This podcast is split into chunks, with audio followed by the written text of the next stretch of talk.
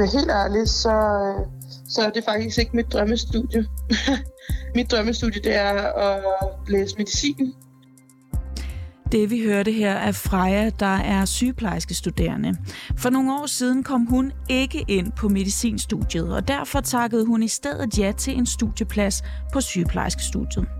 Vi har talt med flere nuværende og tidligere sygeplejerske studerende, som mener, at uddannelsen af mange simpelthen bliver brugt som et springbræt til at blive noget andet end sygeplejerske. Det vender vi på en morgen, hvor vi blandt andet også skal tale om folkeskolelærers politiske frihed. Mit navn er Christine Randa, og du lytter til reporterne.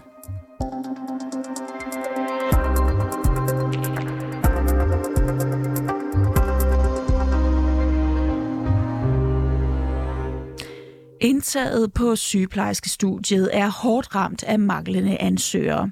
I år er der på landsplan 18 procent færre optagende ansøgere til at blive sygeplejerske, end der var tilbage i 2019. Optagelsen på uddannelserne uden for de fire store byer er faldet med hele 26 procent. I de fire største byer er det kun faldet med 11 procent. Og i en pressemeddelelse har uddannelses- og forskningsminister Jesper Petersen i øvrigt udtalt, at der er en tendens til, at ansøgere ser på akademiske uddannelser som finere end for eksempel sygeplejerskfaget. Vi skal lige høre lidt mere fra Freja, som du hørte kort i starten. Hun studerer som sagt til sygeplejerske, men ønsker altså ikke at blive sygeplejerske. Hvordan er det at øh, studere til sygeplejerske?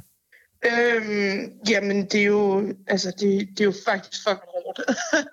øh, altså, det er, det er virkelig, øh, det er virkelig øh, udfordrende. Øh, det er både mega fedt, men det er og givende selvfølgelig. Øh, men det er faktisk også virkelig, virkelig hårdt, og der er jo nogle, øh, hvad hedder det, øh, der er jo nogle dage, der, der er jo helt umenneskelige, og for eksempel det her med, at øh, at være i praktik, øh, selvom det er det allerfedeste ved hele studiet, så er det faktisk også det aller, aller hårdeste, fordi man jo skal have en hverdag til at fungere ved siden af et fuldtidsjob, som det jo lige pludselig er, øh, som jeg bliver sendt ud på. Det er meget overvældende, og jeg kan virkelig godt forstå, at der er mange, der, der øh, stopper efter de første semestre, fordi man jo ligesom skal lægge sin hverdag om på en eller anden måde. Hvilken følelse havde du, da du fik at vide, at du blev optaget på sygeplejestudiet? Øh, jamen, hvis jeg skal være helt ærlig, så, så er det faktisk ikke mit drømmestudie. mit drømmestudie, det er at læse medicin. Øhm, så jeg tænkte, at nu vil jeg prøve, og så vil jeg så tage det, der var næstbedst. Øhm, og jeg vil så prøve at, at tage den her sygeplejersken. Øhm, og så, det, det giver mig jo rigtig meget det, jeg godt vil have. Jeg vil rigtig gerne have en fysiologi. Jeg kan virkelig godt lide at arbejde med mennesker. Jeg elsker at snakke med, med øh, hvad hedder det, patienterne. Det er, jo, det, er, det er jo virkelig det fede af, af jobbet. Ikke? Så jeg var faktisk spændt, da jeg fik det at vide, kan jeg huske, og jeg var glad. Men jeg tænkte også, at øh, nu skal jeg i gang med en kamp, øh, både med altså sådan, fagligt, der tænker jeg, det, det skal jeg sgu nok klare, det er ikke noget. Øh, som, altså uden at det skal lyde arrogant, så tænker jeg, at det faglige, det skal jeg nok klare. Øh, men, men jeg vidste godt, at det vil, det vil være hårdt, fordi der er jo nogle ting, som sygeplejerske studerende, der skal du igennem de her, ja, de her praktikker, øh, og der er nogle, nogle krav, som du skal igennem, og det er blandt andet, at du skal i psykiatrien, øh, og du skal på pleje, og der er bare, og, og så selvfølgelig hospital, ikke? Øh, men jeg har for eksempel ingen, overhovedet ikke lyst til at, at lave noget inden for psykiatrien. Så at være tre måneder i praktik i psykiatrien var jo også helt vildt hårdt og belastende, øh, fordi man kom jo hjem og var sådan lidt, åh, ej, og, og sådan. Det er, jo, det er jo nogle af de tanker, som jeg i hvert fald har gjort mig rigtig, rigtig meget øh, om det at være sygeplejerske studerende. Hvorfor dropper du ikke bare ud?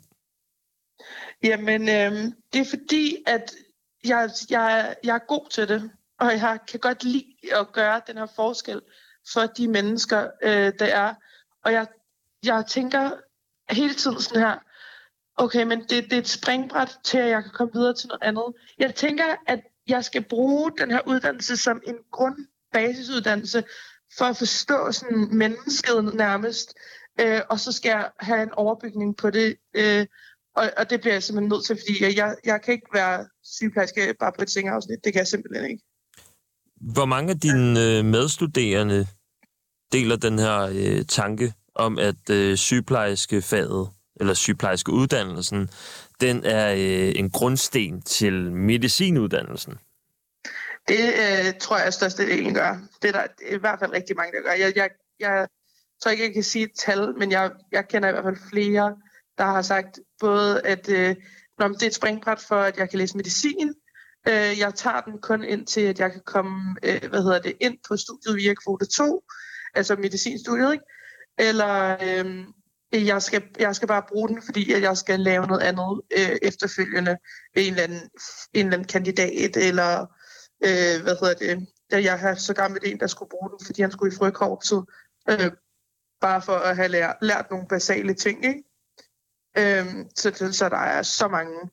Øh, selv min nabo, der er, sy, der er sygeplejerske, er sådan, på andet semester, sådan, jamen jeg, jeg skal bare bruge den som en grundsten, og hvis jeg overhovedet kan overskue og færdiggøre den. Og det er jo sådan, det er for mange af os og det var reporter Mathias Stilling, der havde talt med Freja, som er sygeplejerske studerende, som altså her fortalte, at det aldrig har været målet, at hun skulle arbejde som sygeplejerske. Andre sygeplejersker, vi har talt med, nikker genkendende til det billede, hun tegner. Nogle vil øh, bruge øh, uddannelsen til at komme ind på medicinstudiet, som vi også hørte Freja sagde. En anden vil for eksempel bruge det til at blive sælger i medicinalbranchen. Gitte Sommer Harrit, ja. prorektor på uh, VIA University College. Du er med. Dejligt. Velkommen til programmet.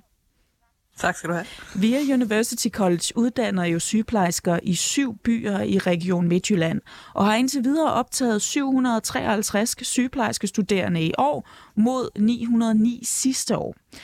Har I uh, professionshøjskoler ikke et ansvar for at sikre jer, at de studerende i uddanner rent faktisk vil bruge deres uddannelse til at blive sygeplejersker? Nej, altså jeg, jeg synes, det er at stille spørgsmålet en lille smule skarpt op. Det er klart, hvis vi har rigtig mange studerende, som øh, læser en uddannelse kun fordi de vil noget andet med dem, så har vi selvfølgelig et problem. Det har vi som som uddannelsesinstitutioner, og det har vi også som øh, det har professionen, og det har vi også som, som samfund.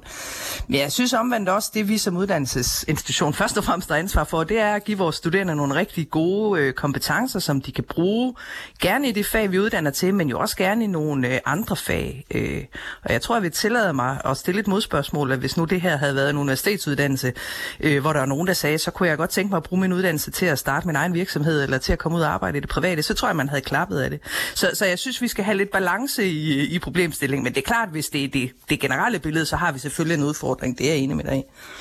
Men er universitetsuddannelser ikke i princippet også lidt bredere og typisk noget, hvor du kan få flere forskellige jobs, hvor man for eksempel ser professionsuddannelserne være noget, der er meget mere målrettet end prof- en speciel øh, profession? Jo, men det tror jeg måske i virkeligheden er noget af det, vi skal rykke lidt ved. Jeg tror, det er noget af det faktisk, den udfordring, vi har, det er opfattelsen blandt mange unge mennesker, og måske bredere end som så. Fordi det er faktisk det, det er også det, vi hører fra jer lidt sige, at, øh, at, at det er det, der gør, at man er lidt afskrækket fra at søge ind på en uddannelse, der kun fører til én ting, og så skal man det resten af sit liv. Jeg tror, det ville være rigtig godt, hvis vi kunne se de her øh, brede professionsuddannelser til sygeplejerske, til lærer, til pædagoger og andet, som øh, en, en god øh, grunduddannelse til øh, faget, men også som en mulighed for noget videreuddannelse, så man kan fordybe sig i nogle områder inden for faget, eller måske også i virkeligheden lave nogle, øh, nogle andre ting. Så jeg tror, det er en mere nuanceret øh, debat, vi skal have gang i om de her fag. Betyder det også, at det ikke nødvendigvis er et mål for jer, at, øh, at sikre jer, at de øh, sygeplejerske studerende rent faktisk ender med at blive sygeplejersker? Nej, det, det kan man ikke sige. Selvfølgelig er det et mål for os, at vi uddanner den grunduddannelse og sikrer, at øh, de studerende har rigtig gode kompetencer. Vi gør rigtig meget ud af øh, at både øh, give de studerende viden og færdigheder, men også i virkeligheden at arbejde med det, vi kalder professionsidentitet. Altså, hvordan er det, at man kommer til at se sig selv som, som, øh, som sygeplejerske. Så selvfølgelig er det et mål for os at klæde de studerende på til det arbejdsmarked, de skal ud til. Selvfølgelig er det det. Er der noget specifikt, I tænker, I kan gøre øh, på studiet for, at folk i højere grad, ligesom måske undervejs i studiet, tænker, jamen det er faktisk det her, jeg skal, jeg skal blive sygeplejerske. Altså man på en eller anden måde i højere grad får holdt fast på dem øh, i forhold til netop det her erhverv? Jamen, jeg tror, vi skal gøre endnu mere, end vi gør, for vi gør rigtig meget, øh, og, og åbne de studerendes øjne for de mange muligheder, der er i faget. Også de mange øh, udviklingsmuligheder, der er, så man ikke bare skal være på et sengeafsnit, som, som Freja øh, øh siger her. Men der er rigtig mange muligheder for at, at specialisere sig. Øh. Men måske også give dem øh, noget ballast og noget robusthed til at sige, at de her ting, øh, som jeg er god til, øh, som vi også hører Freja sige, jamen øh, det kan jeg faktisk også, øh, det kan jeg også øh, komme til, når det presser til, og det bliver hårdt øh, ude, på, øh, ude på arbejdsmarkedet. Fordi det er også det, vi hører mange unge sige. Øh, jeg, vil, jeg er bange for at blive sygeplejerske, fordi det er alt for presset og alt for hårdt. Og der tror jeg, vi skal blive endnu bedre til at klæde dem på til at være øh, øh, egentlig tænke øh, rangryggen og sige, det kan jeg godt. Tror du ikke, at politikerne på Christiansborg har en forventning om, at, øh, at I uddannelsesinstitutioner ligesom tager det her ansvar i forhold til at sørge for, at de sygeplejerske studerende ikke altså rent faktisk ender med at arbejde som sygeplejersker? Jo, det kan, det kan godt være. Det kan da selvfølgelig godt være, at vi skal have også en, øh, en, øh, en politisk drøftelse af øh, det her billede af, er det, er det kun et enkelt fag, eller er det en bredere kompetence? Men jeg tror især, politikerne har en forventning om, at vi uddanner nogle studerende, der, der kommer i beskæftigelse og bidrager produktivt til, til samfundet. Men jeg afviser jo heller ikke, at vi har et ansvar. Selvfølgelig har vi det. Jeg er bare ikke sikker på, at vi kan nå 100 procent. For vi har vel brug for flere sygeplejersker? Det har vi, og det ansvar, det vil vi rigtig gerne være med til at, øh, at løfte. Øh, så vi har brug for flere, der søger øh, sygeplejerskeuddannelsen og også gerne vil, øh, vil ind i faget. Og der tror jeg faktisk en vej, som jeg sagde før, det er at, at skabe nogle flere muligheder for, at man kan, man kan udvikle sig, øh, så, så, så de unge øh, sygeplejerske studerende ser udviklingsmulighederne. Mange tak skal du have, Gitte Sommer Harits, rektor på VIA University College. Tak fordi du var med her til morgen. Ja, velbekomme.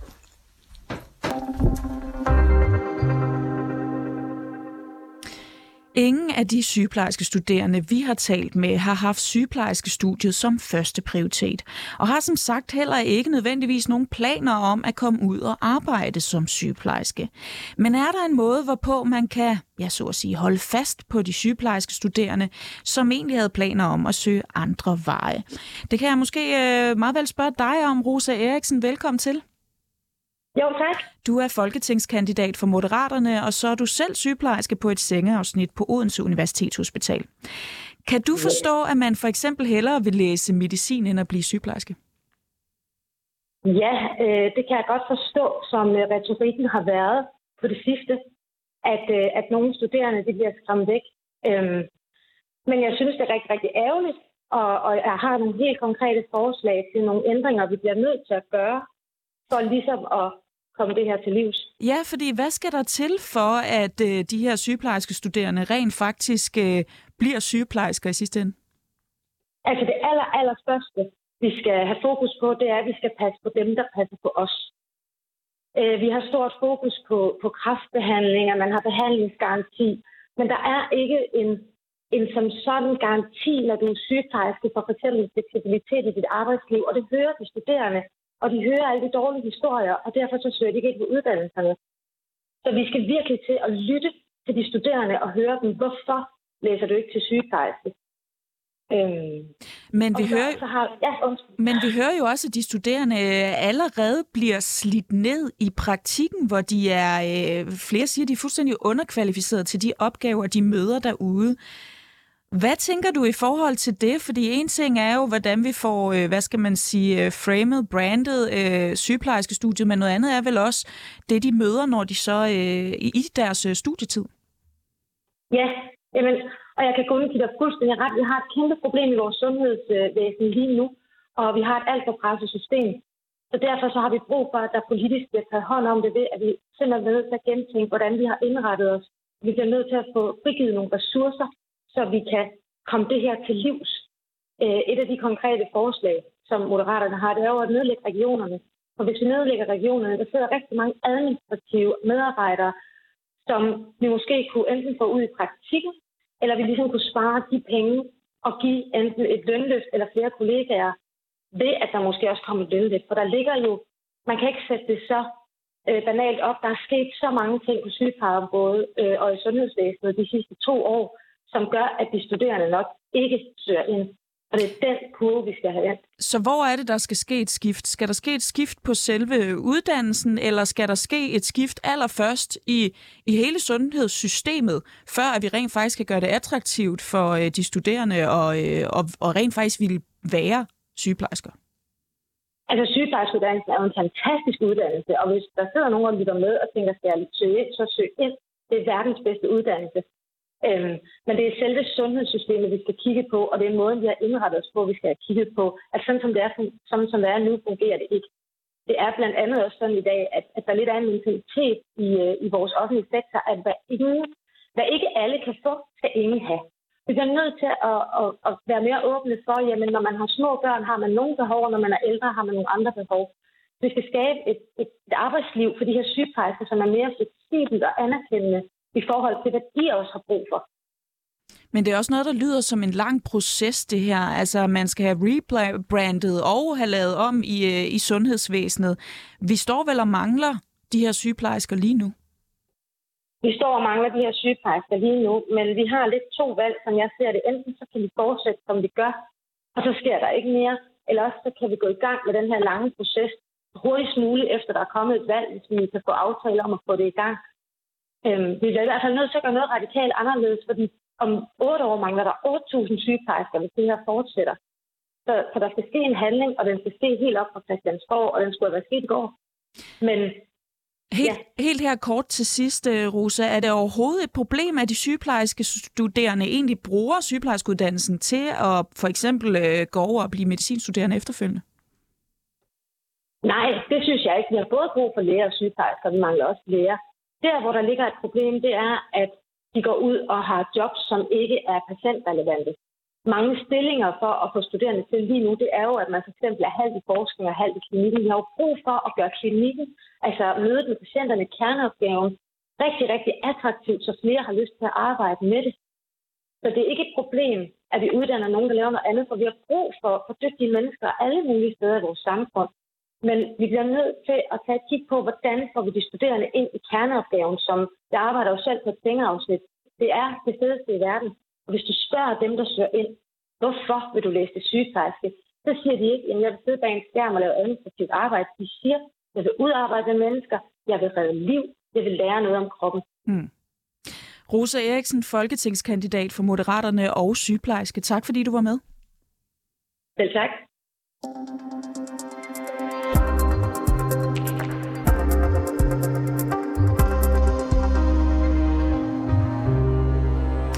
Det er blevet tid til, at vi skal have en update fra krigen i Ukraine. Især i det sydlige Ukraine er kampene nemlig langt fra forbi.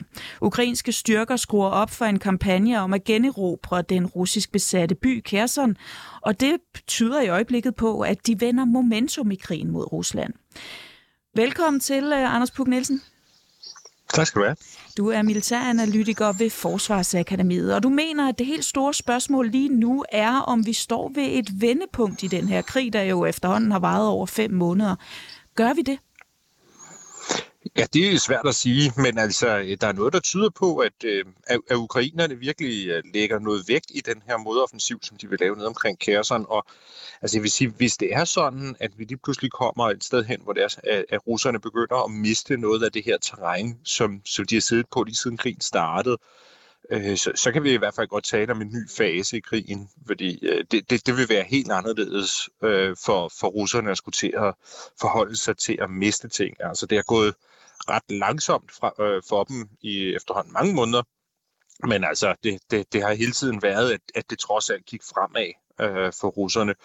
Øh, så så, så det, det, det, er, det er spændende at, øh, at se, hvad det bliver til. Altså, ukrainerne har jo selv sagt, at øh, nu, nu kommer de til at gøre det her. De regner med, øh, måske slut august eller start september, der kommer det store slag til at stå om, om den her by, Kærson her.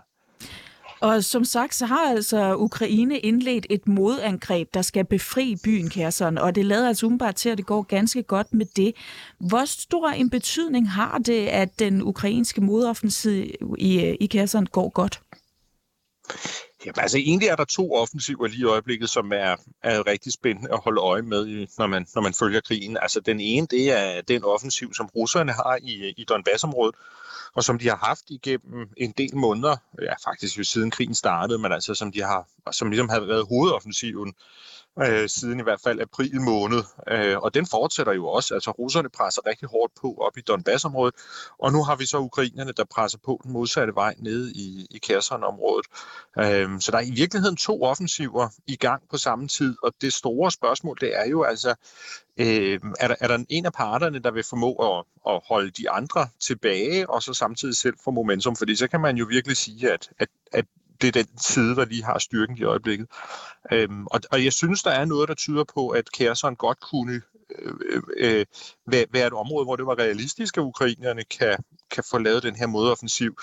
Øhm, fordi det er et område, der er svært for russerne at øh, forsvare, hvis det er sådan, at ukrainerne har tilstrækkeligt meget styrke, fordi det ligger, det ligger om på vestsiden af den store flod, der hedder Dnepr.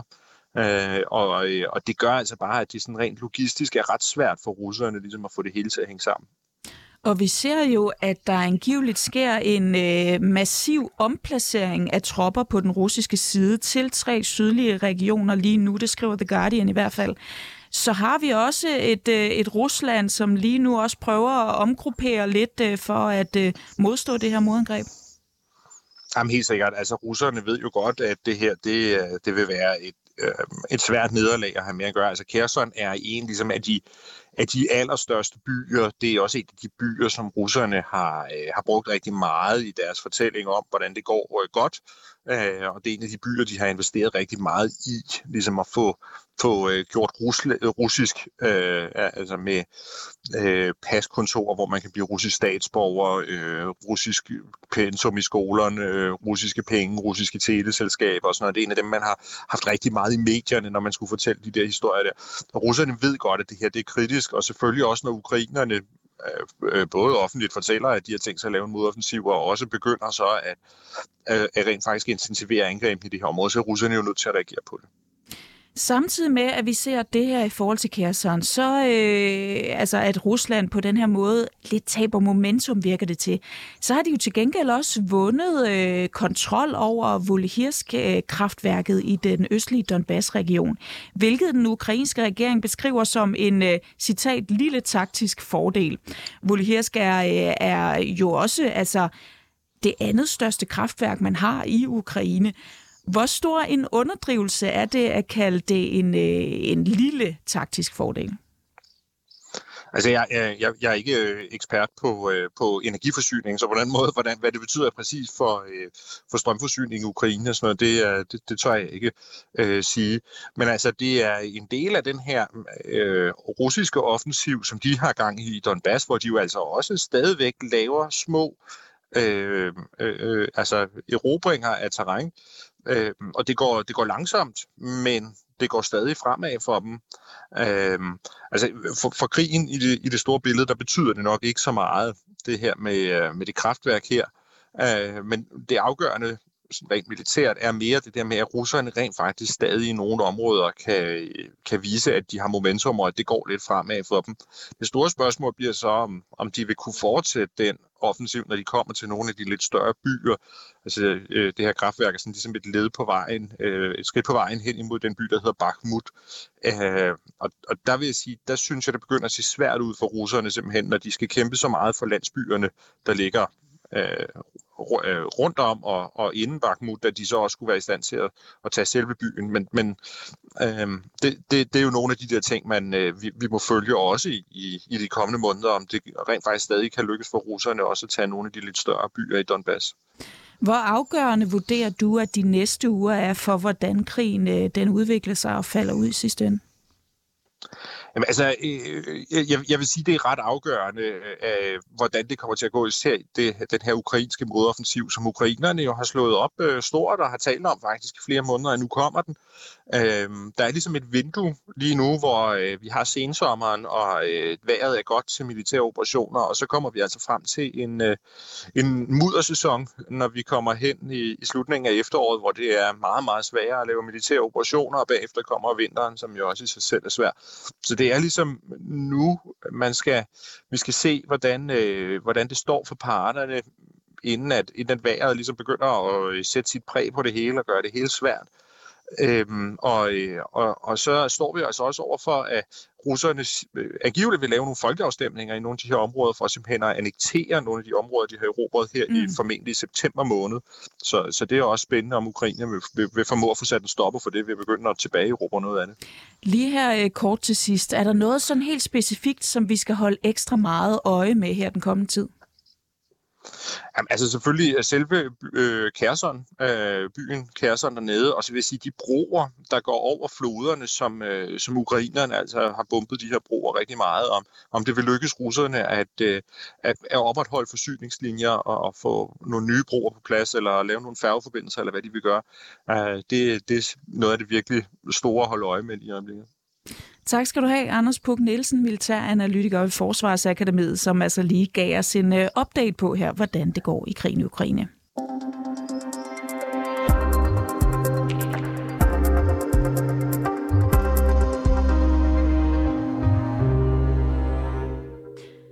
Skal man gå stille med dørene om sit politiske tilhørsforhold og sine meninger, hvis man samtidig ernærer sig som eksempelvis folkeskolelærer? Den debat er blusset op efter en ny borgerliges folketingskandidat på Fyn, Mikkel Bjørn, i nogle tweets har givet sin mening til kende om forskellige politiske spørgsmål. Blandt andet har han i et tweet sammenlignet feminisme som ideologi med en kraftsvulst, noget vi her på reporterne talte med ham om i tirsdags. Men kan man det, altså når man samtidig til dagligt er folkeskolelærer? Den debat vil vi gerne have taget i dag, men ingen af de kritiske røster i den her debat, vi har spurgt, havde lyst til at deltage.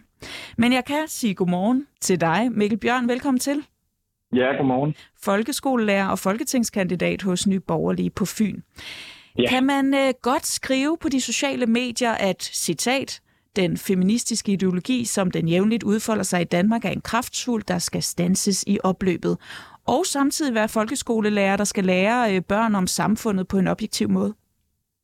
Det håber jeg godt nok, altså fordi at vi er jo alle sammen i en eller anden udstrækning politiske mennesker og har politiske holdninger øh, netop til særligt i hinandens øh, ideologiske hvad skal man sige, øh, holdninger til, hvordan samfundet bør indrettes, og, øh, og der skal være plads til, at, øh, at offentlige ansatte og, og folk i det hele taget, de kan have lov at have politiske holdninger, samtidig med, at de selvfølgelig engagerer sig i, i arbejdslivet. Men der er altså opstået den her debat på baggrund af, af dine tweets. Er det noget, du, øh, du har oplevet før? Det har jeg desværre oplevet ved en øh, hel del lejligheder. Øh, det her det er nok et af de tidspunkter, hvor det har været mest markant, men jeg har oplevet det en del gange før. Altså man kan sige, den her gang har jeg i hvert fald været inde og læse, jeg tror, ja, op mod 100 kommentarer fra forskellige folk, øh, der mener, at øh, man ikke både skal kunne være øh, skolelærer og, Øh, og så have, øh, hvad skal man sige, borgerlige højorienterede holdninger samtidig. Øh, der, var, der var eksempelvis, hvad jeg i virkeligheden synes måske er det mest forrygte eksempel, øh, en, øh, en lektor på Danmarks øh, Medie- og Journalisthøjskole, der hed Ditte Christensen, der ikke mente, at man skulle have lov at, øh, at have de holdninger. Hun mente i hvert fald, at man skulle kontakte min skole og gøre dem opmærksom på mine holdninger, men det er jo i virkeligheden også en grundlæggende ja, antidemokratisk og, og tyrannisk tilgang til demokratiet, at, at vi skal gå og advare hinandens arbejdsgiver om, om hinandens holdninger. Det, det, det synes jeg. Er din arbejdsgiver egentlig opmærksom på dine øh, holdninger, sådan som det er nu? Min arbejdsgiver har været helt 100% øh, bevidst om, øh, om mine politiske holdninger i, i den tid, jeg har, jeg har været der. Så ja. Oplever du egentlig, at det er nemmere at være folkeskolelærer, hvis man er venstreorienteret frem for borgerlig? Ja, men ingen tvivl om det. Altså, det har jeg både oplevet på, øhm, både oplevet på seminaret, men også ude, øh, ude som lærer, altså at, øh, at der er da klart, der er jo flere øh, venstreorienterede lærere, end der er øh, borgerlige øh, lærere, og, og derfor så er der også et, et, et klima, hvor det at være venstreorienteret er mere komilfo, end det at være borgerlig eller højorienteret. Det, det, det der er der ingen tvivl om. Altså, men overordnet set, så de fleste lærere er jo, er jo øh, åbne og, og, og demokratiske mennesker, der, der, der accepterer, at øh, vi har forskellige synspunkter, og det skal der selvfølgelig være plads til. Men en ting er at være venstreorienteret eller være borgerlig, men noget andet er jo at have nogle meget markante holdninger, som man er meget tydelig omkring. Kan du forstå, hvis forældre, der har en anden holdning til det spørgsmål end dig, for eksempelvis i forhold til det her med, hvordan man ser på feminismen, at, øh, at de øh, har betænkeligheder ved at sende øh, børnene i skole, velvidende, at, øh, at du for eksempel har øh, den holdning til feminisme?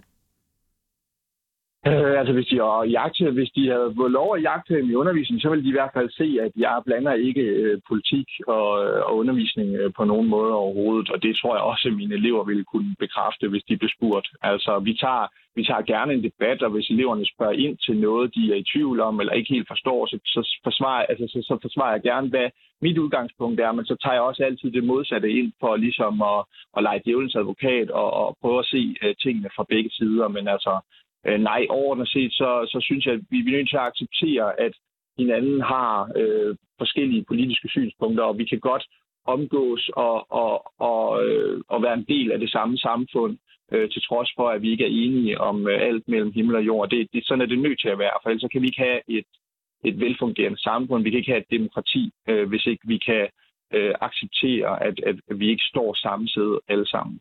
Men du fortæller altså dine studerende om, hvad du mener? Hvis de spørger, altså det er ikke noget, jeg går og, og snakker om, medmindre der, der er en øh, anledning til det i form af nogen, der, der spørger ind til, hvad det her går ud på. Men, men jeg, jeg, jeg, jeg er ikke hemmelig omkring, øh, hvor jeg står, hvis eleverne spørger. Altså det, det er også svært, når man er så offentlig en person som, som eksempelvis øh, folketingspolitiker eller kandidat, og så kan folk jo bare gå ind og google ens holdninger, så det vil være vil være, hvad skal man sige, løgnagtigt, og så gå og sige, at jeg har ikke nogen holdning, eller jeg står ikke noget sted, hvis eleverne så spørger. Men, men så, må man, så må man forsøge at, at give dem et perspektiv fra begge sider af, af, af bordet, og så, og så må de selv danne deres holdninger øh, senere. Og føler du, øh, altså, føler du dig i stand til det, eller har du, altså, jeg tænker bare, hvis man har meget stærke holdninger om noget, så kan det måske være lidt svært, også selv man prøver at komme med modargumentet, så kan det måske være lidt svært at brænde lige så meget for det, som man brænder for sit eget argument. Jamen, det er også derfor, at jeg står ikke og argumenterer for mit eget synspunkt i, i klasseværelset. Det kunne aldrig falde mig ind. Men, men, men jeg kan godt finde på at sige, at jeg står her, og nogle andre står der. Øhm, og det skal der være plads til. Øh, og det, det er også mit indtryk af, at, at både elever og lærere, de overordnet set deler den holdning. Er det, hvad tænker du egentlig? Er det ikke okay, hvis nogle forældre eksempelvis nævner, hvis de er usikre på en lærer, der har ytret sig øh, meget kraftigt omkring et bestemt emne? Er det, er det okay, at de giver udtryk for det? Er det noget, man skal have en debat om på skolerne, for eksempel? Øh, altså hvis det er noget, en lærer har stået ytret i klasseværelset, så synes jeg, det er en debat, vi skal have om. Altså hvis selvfølgelig skal lærer ikke stå og, og præge eleverne ideologisk i klasseværelset. Det, det, det vil jeg selv være meget kritisk over for, hvis, hvis jeg havde en, en, en lærer til, til mine kommende børn, der gjorde. Men at, at lærerne uden for skolen og i det private har politiske holdninger, det synes jeg ikke, vi skal blande os i overhovedet. Det, det, det er at gå ned af en, af en meget farlig vej, hvor vi skal begynde at grave i hinanden øh, på alle ledere og kanter, øh, hver gang vi skal, vi skal indgå i et eller andet form for samarbejde, men ikke bare i skolesammenhæng, men, men i det hele taget. Og det, det tror jeg er en rigtig farlig vej øh, at gå ned ad, der kun skaber mere konflikt og mere polarisering. Øh, Øh, end hvis vi rent faktisk accepterer, at, at vi har forskellige holdninger, og det er okay. Lad os lige prøve at vende den om. Altså et tænkt eksempel. Du, øh, hvis vi forestiller sig også, at du havde et barn, og du sender dit barn i skole velvidende, at øh, læreren i samfundsfag er erklæret øh, kommunist, og i øvrigt har tweetet, at eksempelvis nationalkonservatisme eller en anden ideologi er at sammenligne med en kraftsvulst. Vil du så mm. have det helt fint med at sende, øh, sende dit barn i skole, eller vil du kontakte skoleledelsen? Jeg vil ikke kontakte skoleledelsen overhovedet, øh, men jeg, jeg kunne da godt finde på at være, være øh, nysgerrig på, om der så selvfølgelig er den her tilstræbte objektivitet. Øh, men det må jeg jo tage en øh, snak med mine børn om, øh, og, så, og så få en øh, tilbagemelding på, jamen, hvordan det foregår det egentlig i, øh, i klasseværelset. Men, men overordnet set, så, så nej, altså så længe man ikke øh, blander øh, sine politiske synspunkter og sit øh, virke som eksempelvis skolelærer, jamen, så synes jeg, det er helt okay. Men hvor går grænsen for dig? Altså, hvad hvis det for eksempel var en, øh, en selverklæret islamist, der var øh, skolelærer? Jamen, altså, der er jo forskel på øh, ideologier, der opfordrer til drab på andre mennesker, som er meget aktive i deres øh, hvad skal man sige, handlinger mod andre mennesker. Øh, og der, der, der er øh, terrorister og islamister selvfølgelig i, i en anden lejr end, øh, end hvad skal man sige, politiske ideologier og holdninger til, hvordan vi bør indrette et samfund. Men man kan vel godt være islamist uden at være terrorist? Jo, men hvis man er islamist, så abonnerer man jo på nogle grundlæggende, øh, meget problematiske holdninger. Øh, eksempelvis øh, må jeg gå ud fra, at øh, jamen, vi skal dræbe vantro og sådan nogle ting. Altså, det er i hvert fald noget af det, der ligger inde i islamismen, og det synes jeg selvfølgelig ikke er okay. Så hvor går grænsen for dig? Er det der, grænsen går, eller går den tidligere? Er der, er der også nogle, øh, nogle øh, ideologier på venstrefløjen, som du for eksempel øh, også ville stille dig kritisk over for, hvis øh, en folkeskolelærer øh, tilslutter sig det? Grænsen går derved, at, øh, at politiske holdninger, der accepterer, at der også er andre politiske holdninger, øh, men det er, det, de skal accepteres. Øh, og selvfølgelig politiske holdninger, der går ind på, at vi skal dræbe øh, folk, der er uenige med os selv, jamen det, det er selvfølgelig, det vil jeg sige, det, det er over grænsen, og det skal vi selvfølgelig ikke acceptere. Men folk kan vel være mere eller mindre ekstreme inden for deres øh, ideologi. Der er vel også nogen, som er meget ekstreme inden for, for nogle af de ideologier, som vi egentlig vil se som værende mere øh, frisindede, eller, eller som nogen, der mere accepterer andres holdninger. Ja, og derfor så må vi jo tage stilling øh, på individuel basis, øh, og ikke, ikke på baggrund af sådan en overordnet overskrift. Mikkel Bjørn, skolelærer og fynsk opstillet folketingskandidat for Nye Borgerlige. Tak fordi du var med. Ja, men selvfølgelig selv tak.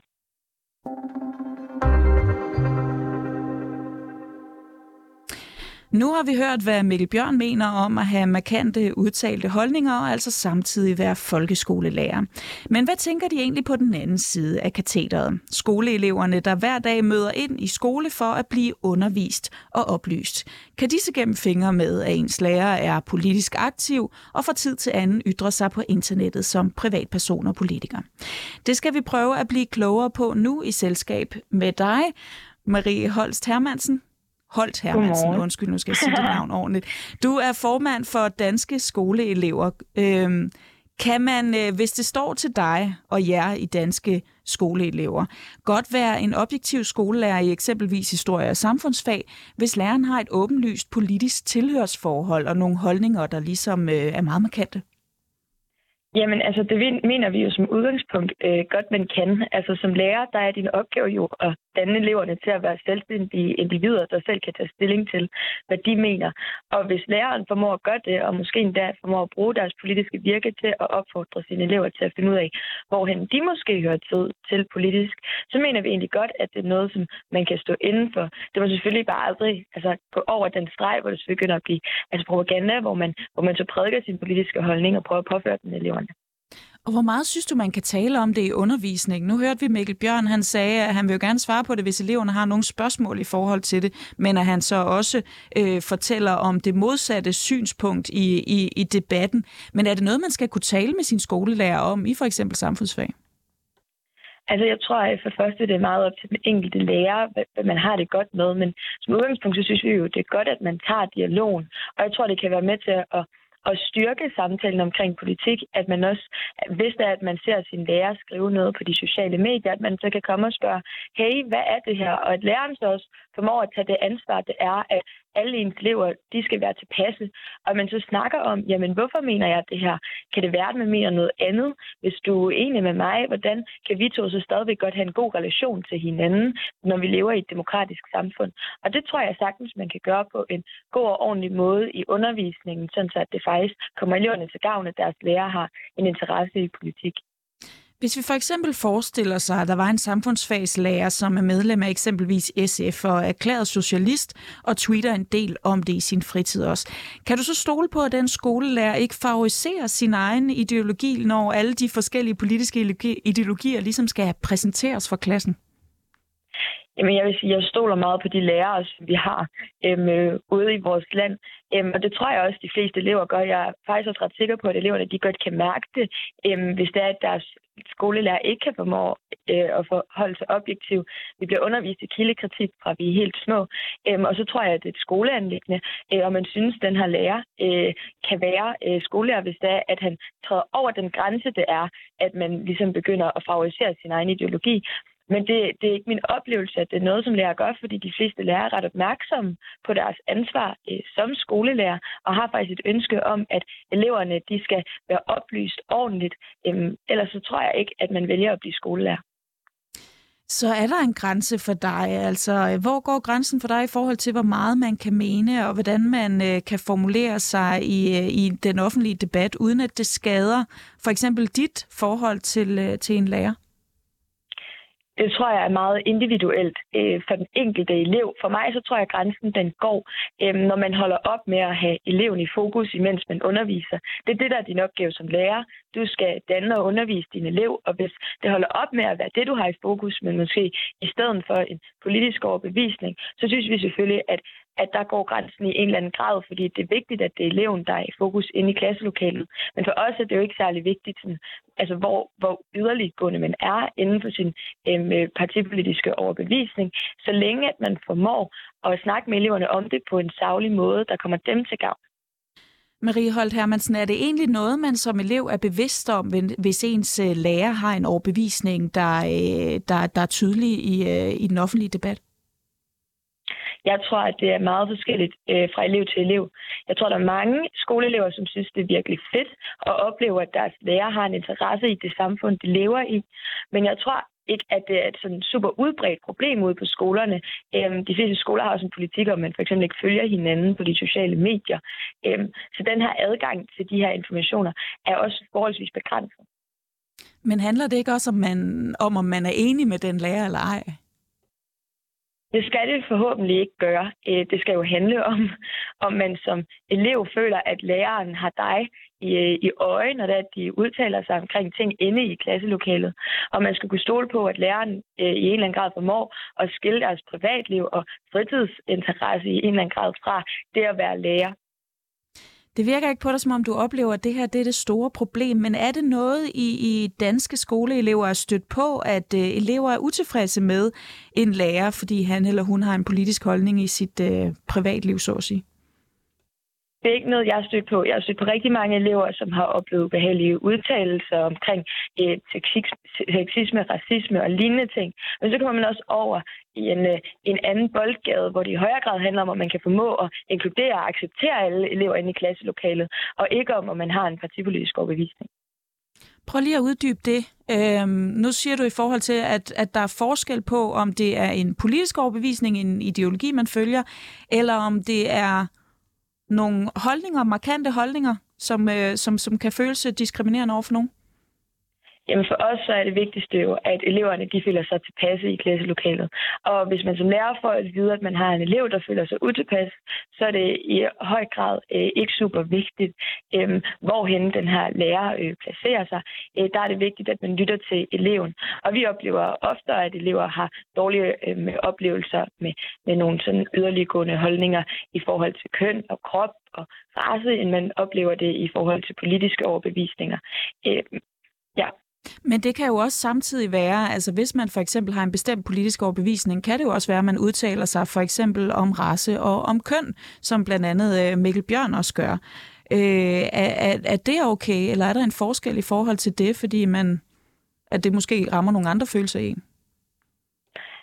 Altså øh, for os, så, øh, så handler det virkelig ikke om, øh, hvad, altså, så tror vi ikke på, at, at de her øhm, altså, holdninger omkring køn og krop og seksualitet, at det nødvendigvis er noget, der er bundet op øhm, med, på det politiske virke. I virkeligheden så handler det øh, rigtig meget om, hvordan man i tale sætter det i et klasselokal. Og hvis man formår at i tale sætte køn, krop, seksualitet, de holdninger, man har til det, på en ordentlig savlig måde, hvor man fortæller, sådan her har jeg det, sådan her er der andre mennesker, der har det, så, øhm, så synes vi jo selvfølgelig, at det, det, det er en, en, en debat, der er savlig. Men hvis man ikke formår til gode se eleverne, så er det jo op til skolerne, om man så mener, at lærerne er ordentligt. Marie Holt Hermansen, formand for Danske, Danske Skoleelever. Tak fordi du var med her til morgen.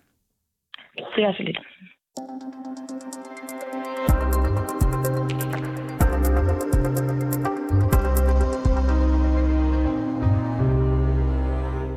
Som vi har været inde på tidligere her i programmet, så skal alle EU-lande spare 15 procent på gassen, og arbejdet skal i gang med det med det samme for at undgå en vinterkrise. Sådan lyder et vedtaget forslag fra EU-kommissionen. I EU er vi nemlig dybt afhængige af russisk gas, for at vores samfund kan køre rundt. Helt konkret går den nye aftale ud på, at EU-landene frivilligt bør reducere deres gasforbrug med 15 procent. Det kan også blive obligatorisk, hvis der opstår en nødsituation. Men hvor god en aftale er det her egentlig? Det skal vi se nærmere på nu, og det skal vi sammen med dig, Søren Christens, cheføkonom i Sydbank. Velkommen til. Tak skal du have. Er det her en god aftale ifølge dig? Ja, det er, det er det langt hen ad vejen, fordi at, at de fleste lande i EU er blevet enige om den, og fordi man øh, på den måde forsøger ligesom at tage nogle af de her problemer i, i opløbet.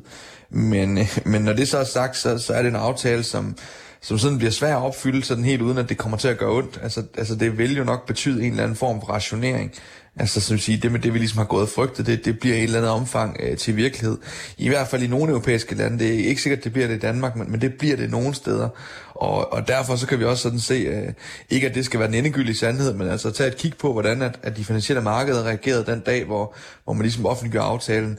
Øh, der så vi øh, udbredte tegn på, at investorerne ligesom tolkede det her som øh, noget negativt for europæisk økonomi, og noget, der vil være med til at, at dæmpe væksten i europæisk økonomi. Så, så det er sådan lidt både over i forhold til, om det er en god aftale.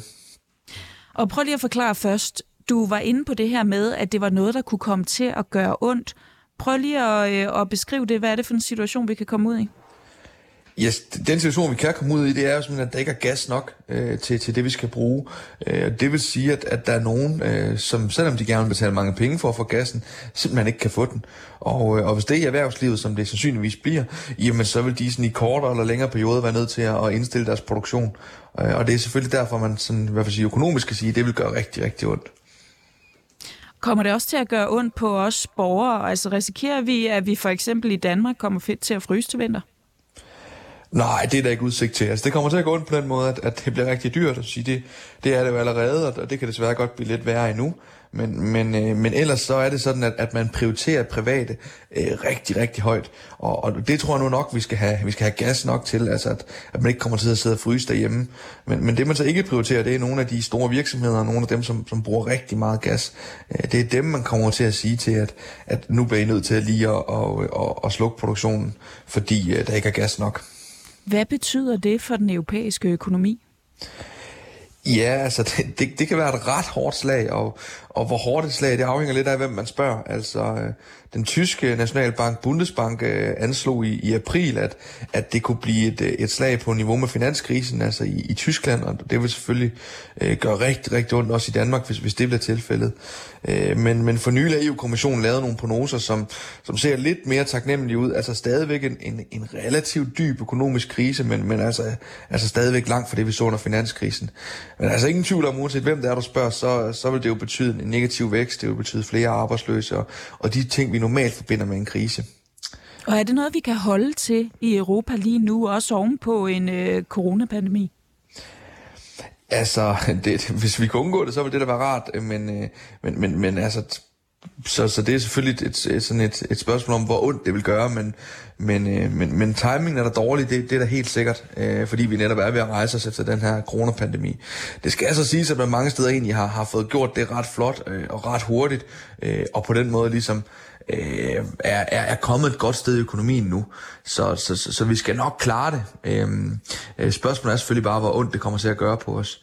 Og der kan man sige, at hver dag vi får, hvor vi får lidt gas, jamen, jamen det er simpelthen en, en fordel. Altså, jo, jo, jo, jo tættere vi kan komme på vinteren før, der eventuelt bliver helt lukket for gassen, jo, jo mindre ondt vil det her altså gøre.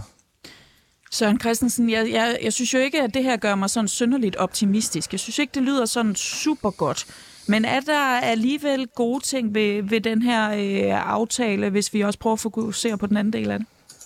Ja, det synes jeg, det er. Altså, for det første er som jeg siger, med, at man ligesom er enige om, at man forsøger at løfte det her i, i flok, og ikke, øh, ikke på den måde ligesom øh, vender sig mod hinanden. Altså, det, det er rigtig, rigtig godt. Altså, øh, og det vil, det vil hjælpe, at vi får, at vi stadigvæk opretholder et fungerende gasmarked inde i Europa, hvor man flytter de her ting rundt. Og når man så allerede nu ligesom går ind og siger, jamen, jamen vi skal forsøge at spare på gassen alle de steder, vi kan. Øh, Øh, mange steder kan vi jo måske finde nogle løsninger, sådan at vi stadigvæk kan producere øh, uden gas. Og, øh, og jo mere vi finder på af det, jo bedre rustet står vi til, at, og, øh, at, at Putin ligesom presser os på det her, og jo mere uafhængig bliver vi af den gas, vi får fra russisk side. Og, og, og der er den her aftale helt bestemt et skridt i den rigtige retning. Hvor uafhængig kan den her aftale være med til at gøre os af, øh, af russisk gas? Er altså ikke nok, kan man sige, fordi at vi, vi, vi får omkring en tredjedel af gassen fra, øh, fra, fra Rusland. Så, øh, så sådan lidt, lidt konvolutberegninger, altså, hvis vi skruer 15% ned, jamen, jamen så mangler vi stadigvæk en 15-20% øh, af, af gassen. Så, øh, så, så det er ikke helt, heller ikke selvom vi nok kan få lidt gas andre steder fra. Så, så, så aftalen her er i sig selv ikke nok, øh, som det ser ud nu. Hvad tror du, der er på vej, eller hvad der, hvad der er brug for? Du siger, at vi skulle gerne skrue yderligere 15-20 procent ned. Det er jo også en, øh, en chat, og det realistisk? Det har jeg meget svært ved at svare på. Altså, hvis jeg, man kan konstatere hjemme i Danmark, der, der har vi faktisk formået at gøre det. Øhm, men men, men, men der skal vi nok have fat i en, der, der har lidt mere kendskab til, til, til strømforbrug og, og strømkilder, end, end, end jeg har, øh, i forhold til at sige, om det er realistisk for andre lande. Fordi der er jo nogle lande, hvor, hvor det her ser betydeligt sværere ud, og hvor man i hvert fald ikke på den korte bane ser ud til at have øh, værktøjerne til at gøre det. Så, så må ikke, vi kan gøre det på, på sigt, men altså, det er nok ikke noget, vi når til den her vinter. Og du siger det her med også, øh, du sagde tidligere, at vi i Danmark kommer nok ikke til at fryse, men, men det lyder også på dig, som om der er meget forskel på, hvad det er for nogle situationer, de forskellige europæiske lande står i. Er det rigtigt forstået? Ja, det er det, og, og det er det, fordi der er nogen, som, som, øh, hvor gassen er, er langt vigtigere for deres energiforsyning, og hvor især den russiske gas er langt vigtigere, øh, end den er i Danmark. Øh, og, og det er selvfølgelig de lande, der er mest udsatte, men, men som man forsøger øh, på den her måde ved at være lidt solidarisk i EU og, og, og gøre mindre udsatte ved, at, at, at man ligesom flytter gassen derhen, hvor der er mest brug for den. Tror du, vi kommer til, altså er der en stor solidaritet i forhold til det her, eller tror du, når det for alvor begynder at blive koldt, at så falder den øh, solidaritet måske en lille smule? Det er svært at svare på. Altså, jeg tror, der sidder rigtig mange nede i Sydeuropa og godt kan huske den europæiske gældskrise, og, og måske ikke husker øh, tyskerne som, som de mest solidariske. Øhm, og, øh, og, og, og det er jo sådan noget, der godt kan spænde lidt ben, hvis, hvis, hvis det pludselig nu, øh, som det jo ser ud til, skal gå den anden vej, at, at det er Tyskland, der har brug for hjælpen. Øh, så så, så jeg, vil da, jeg vil da være bekymret for, hvis vi virkelig kommer til at stå i en, i en kritisk situation i, i forhold til mangel på gas, om, om den her øh, samhørighed holder. Men, men altså, der må jeg indtil videre sige, at man kunne indgå den her aftale, det er, det er et rigtig godt tegn i, i den retning. Hvor langt tror du, vi kommer i forhold til det her øh, uafhængighed over for, for Rusland? Kommer det til at blive øh, en realitet, inden vi rammer den hårde vinter? Nej, det tror jeg desværre ikke, det gør. Øh, så, så, så får vi bare slet ikke noget gas fra russerne jamen, så, så kan jeg ikke se, at vi kan undgå, altså, så, så bliver det meget svært at undgå en eller anden form for rationering af gassen. Men hvor langt er vi i forhold til, til, til løsninger på det her? Altså på andre energikilder, som øh, måske også kan være dejligt øh, rentabelt for os i Danmark, der har øh, forskellige typer af vedvarende energi, vi gerne sælger mm. til andre? Ja, altså det, det er et godt spørgsmål. Jeg er måske ikke den, den bedste til at svare på det, men altså, altså de, de, på de tidspunkter, hvor, hvor vind og vejr ligesom er med os, altså for, øh, hvor det blæser og solen skinner på vores øh, solceller, og, og man også har, har, har det her vandenergi fra Norge og Sverige, jamen så er det ikke fordi, vi mangler strøm. Øh, tværtimod. Så, øh, så, så problemet er bare, at, at det ligesom er, er en, en ustabil øh, forsyningskilde, fordi at det ligesom er så afhængigt af vejret, som det er. Øhm, og det er lidt det der udfordring her, at, at vi kan se, at når vi har lange perioder, hvor det er relativt vindstille, jamen, så er vi nødt til at bruge øh, rigtig meget gas og, og andre sådan fossile øh, brændsler. Hvis jeg lige bruger din, øh, din økonomiske ekspertise her, hvad er det så, øh, Søren Christensen, vi skal holde allermest øje med her det næste stykke tid? Du siger også, at sådan nogle ting her, sådan nogle aftaler, det påvirker de finansielle markeder. Hvad skal vi holde ekstra meget øje med? Et, et oplagt sted at kigge, det, det er selvfølgelig gasprisen. Øh, fordi det er sådan ret fint følende for, hvordan øh, forventningerne er i, i forhold til, til det her forhold mellem, øh, mellem Rusland og Europa, når, når det kommer til eksporten af gas. Øh, så, så, så, så der kan man jo se nu, at, at gasprisen er meget, meget tæt på de højeste niveauer nogensinde. Og, og det er et tegn på, at, at for det første, der ikke kommer så meget gas, og for det andet, at man er rigtig, rigtig bange for, at, at der lige pludselig ikke kommer mere fra russisk side. Søren Christensen, cheføkonom i Sydbank. Tak fordi du var med. Det var slet.